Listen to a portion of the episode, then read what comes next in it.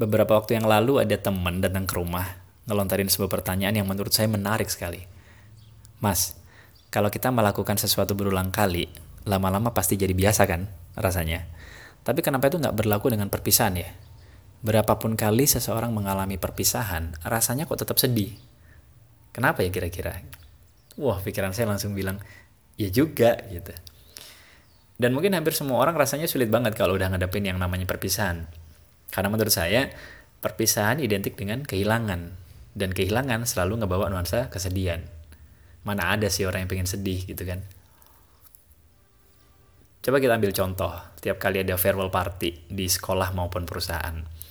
Konten acaranya selalu dibuat untuk memancing orang mengingat kenangan baik itu lewat foto, video, munculin hal-hal konyol yang selama ini dilewatin bareng-bareng, dan gak mungkin bisa diulang lagi. Mungkin itulah yang bikin kita jadi sedih. Gitu.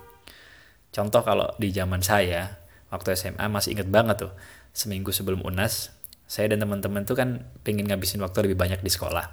Jadi di SMA 5 Surabaya itu, lapangannya berbatasan langsung sama lorong. Nggak ada pagar, nggak ada pembatas, nggak ada kayak jaring-jaring gitu. Cuma tiang-tiang dari kayu gitu loh. Nah, kita biasa jadiin jarak antar tiang itu buat gawang. Terus kita biasanya main tendang-tendangan, kayak penalti-penaltian gitulah. Awalnya mah baik-baik aja, sampai suatu saat kita tuh nggak sadar, saking asiknya tendang-tendangan, ada guru lewat dan boom, bisa jackpot banget itu tendangan pas kena muka guru. Guru agama pula. Saya dan teman-teman itu sempat awkward, ini gimana gitu. Tapi untungnya yang nendang itu adalah anak guru juga jadi biasalah privilege, aman-aman saja. itu contoh kejadian konyol ya, yang kadang-kadang bikin sedih kalau aduh nggak bisa kayak gitu lagi gitu. Terus pas acara misalnya, acara prom night atau farewell party itu kan lagu-lagu yang diputar biasanya yang berbau perpisahan. Kalau zaman saya dulu itu Bondan Fade to Black, kita untuk selamanya. Mungkin kalau sekarang eranya Endang Sukamti ya, sampai jumpa kalau generasi lulusan corona mah saya kurang tahu nih kayaknya mereka nggak ada acara deh. Intinya tiap acara-acara perpisahan gitu lagu yang diputar selalu memancing kita buat sedih. Coba mungkin diganti lagunya Slipknot genrenya death metal rock alternatif. Rasanya buat ngakses kesedihan itu kayak susah kan? Jadi mungkin sedih atau bahagianya sebuah perpisahan itu bergantung dari pengondisian dan cara kita melewati perpisahan itu sendiri. Ya nggak sih? Nah cuma di episode kali ini saya ingin ngebahas konteks perpisahan dan kehilangan yang lebih luas. Semacam kehilangan orang yang dicintai, kehilangan barang kesayangan, atau keadaan yang nggak sama kayak dulu lagi. Waktu saya kuliah dulu, ada sebuah teori yang saya inget-inget lupa sedikit dari Kubler-Ross soal psikologi kesedihan. Jadi bagaimana seseorang itu bisa melewati lima tahap kesedihan sampai akhirnya dia bisa menerima kondisi itu. Yang pertama, stepnya adalah menyangkal.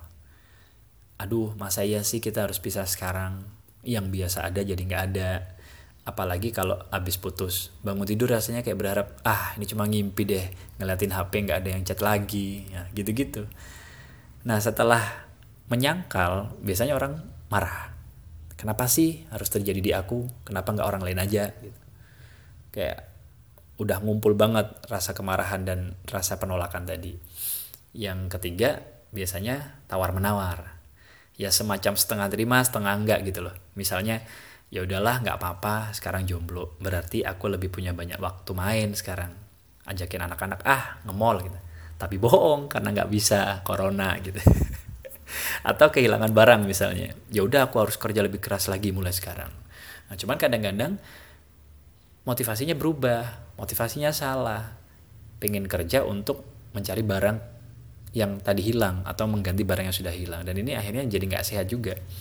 Kemudian step berikutnya depresi. Ya kayak kondisi sekarang banyak orang yang ngerasa kehilangan kan. Baik itu pekerjaan momen traveling ketemu sama teman-teman pengen refreshing tapi nggak bisa gitu. Jadi ngumpul di step depresi ini. Lalu yang terakhir mulai bisa menerima atau acceptance. It's okay lah. Ya udah mau gimana lagi? Aku harus terima kondisi yang sekarang. Aku sudah seperti ini ya aku harus lebih baik lagi. Nah jadi menurut Kubler-Ross kalau kalian sedih itu sebenarnya nggak usah diapa-apain. Lama-lama juga bakal hilang sendiri setelah melewati empat tahap tadi. Yang terakhir kan menerima ya cuman ya nggak enaknya kalian harus melewati masa depresi gitu loh masa sih harus depresi dulu baru bisa nerima gitu. Nah ini saya coba mau ngasih perspektif lain untuk menyikapi perpisahan atau kehilangan tanpa kalian harus depresi terlebih dahulu. Mungkin lebih ke kehilangannya sih ya. Jadi gini, kalau di bahasa Inggris, hilang itu diartikan loss. Loss itu juga bisa artinya tersesat. Menurut saya, orang yang merasa kehilangan di waktu yang sama, dia sebetulnya juga sedang tersesat. Apanya? Ya mungkin pikirannya, jadi yang dibutuhkan agar orang nggak merasa sedih akibat kehilangan, dia harus menemukan jalan keluar atau jalan pulang kembali ke rumah. Gitu. Cukup filosofis ya. Saya sempat membaca sebuah artikel yang ditulis Kenneth Hill tentang keadaan psikis orang yang tersesat di tengah hutan dan bagaimana cara-cara alamiah yang dilakukan orang tersebut untuk mencari jalan pulang. Salah satunya itu mundur dan melihat jejaknya sendiri ya kan kalau misalnya kita tersesat di mana pun ya pasti kita akan mengingat tadi aku lihat mana ya dari ingatan kita itu nanti kita akan membuat sebuah peta sendiri dalam pikiran kita oh ternyata di sini awalnya gitu nah ini kalau misalnya diterapkan ke kehidupan nyata sehari-hari dengan sedikit bumbu filosofi bagus banget artinya gini loh teman-teman kita bisa ngerasa sedih atas kehilangan sebenarnya ya kita sendiri yang ngebuat karena kita yang tahu perjalanan kita dan solusinya ada di diri kita sendiri. Makanya saya selalu mengingatkan bahwa penting sekali kita memaknai hidup sesuai versi diri kita masing-masing. Biar kalau tersesat suatu saat, kita tahu ke mana harus kembali dan ngapain. Kalau kita pakai ukuran orang lain, kita bersandar pada makna yang dibuat orang lain, kita pasti bingung. Kita harus nyari tuh orang untuk nyelesain masalah kita.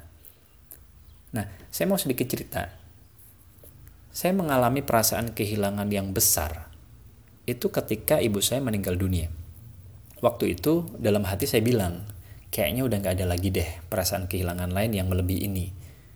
Soalnya kedekatan saya pada ibu waktu itu banget gitu. Nah, dari kejadian itu saya belajar bahwa perasaan kehilangan bisa muncul ketika kita merasa memiliki. Klise sih, tapi saya akan jelaskan proses belajar yang saya maksud. Jadi, semenjak ibu saya meninggal saya tuh sempat ngerasa males buat ngapa-ngapain ya udahlah udah kayak nggak ada motivasi banget gitu tapi beberapa hari kemudian saya dapat insight kayaknya saya tuh udah nggak perlu lagi deh berusaha terlalu nemen untuk mencapai sesuatu nggak pernah pengen dapat macam-macam juga dalam hidup ada syukur nggak ada ya udah prinsipnya nating tulus aja yang penting saya tetap aktif bergerak Pokoknya jangan pasif gitu aja. Terkesan aneh sih memang bagi orang zaman sekarang. Wong saya tuh sering dianggap kayak nggak punya cita-cita, nggak punya impian, nggak punya motivasi hidup. Tapi ya udah, ini prinsip saya. Kalau misalnya anda nggak setuju juga nggak masalah. Kenapa saya lakukan ini? Supaya saya menganggap apa yang saya dapat dalam hidup itu pemberian, bukan pencapaian. Kalau pencapaian, maka mindset yang tertanam dalam pikiran saya itu adalah memiliki. Tapi kalau pemberian, saya tidak akan pernah merasa memiliki. Wong diberi, kalaupun hilang, lepas, ya udah. Berarti bukan rezeki saya. Gitu. Apalagi saya ini orang Jawa ya. Saya tuh diajarin, orang Jawa itu nggak pernah mengenal istilah kerja. Tapi nyambut gawe.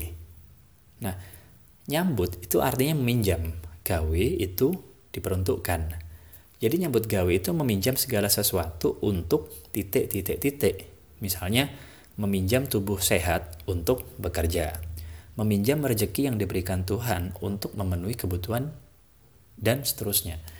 Jadi intinya apa yang kita rasakan sekarang itu sebenarnya semua pinjaman. Kalau misalnya saya menganggap bekerja, orientasi kita pasti untuk mendapatkan. Ketika mendapatkan uang misalnya, kita akan merasa memiliki. Nah, merasa memiliki adalah awal dari takut kehilangan. Dan ini udah gak sehat gitu loh. Akhirnya kita jadi kayak susah buat lepas. Ketika lepas pasti kita sedih gitu. Nah, Untuk hal lain seperti pasangan, barang, ya sama aja sebenarnya. Anggaplah semua itu cuma minjem. Caranya, ya nggak usah terlalu ngoyo, apalagi ngotot agar mendapatkan sesuatu. Gitu. Jadi gimana? Masih takut kehilangan? Gini deh, kalau cowok bikin ruatan, kalau cewek ikut saya ke pelaminan.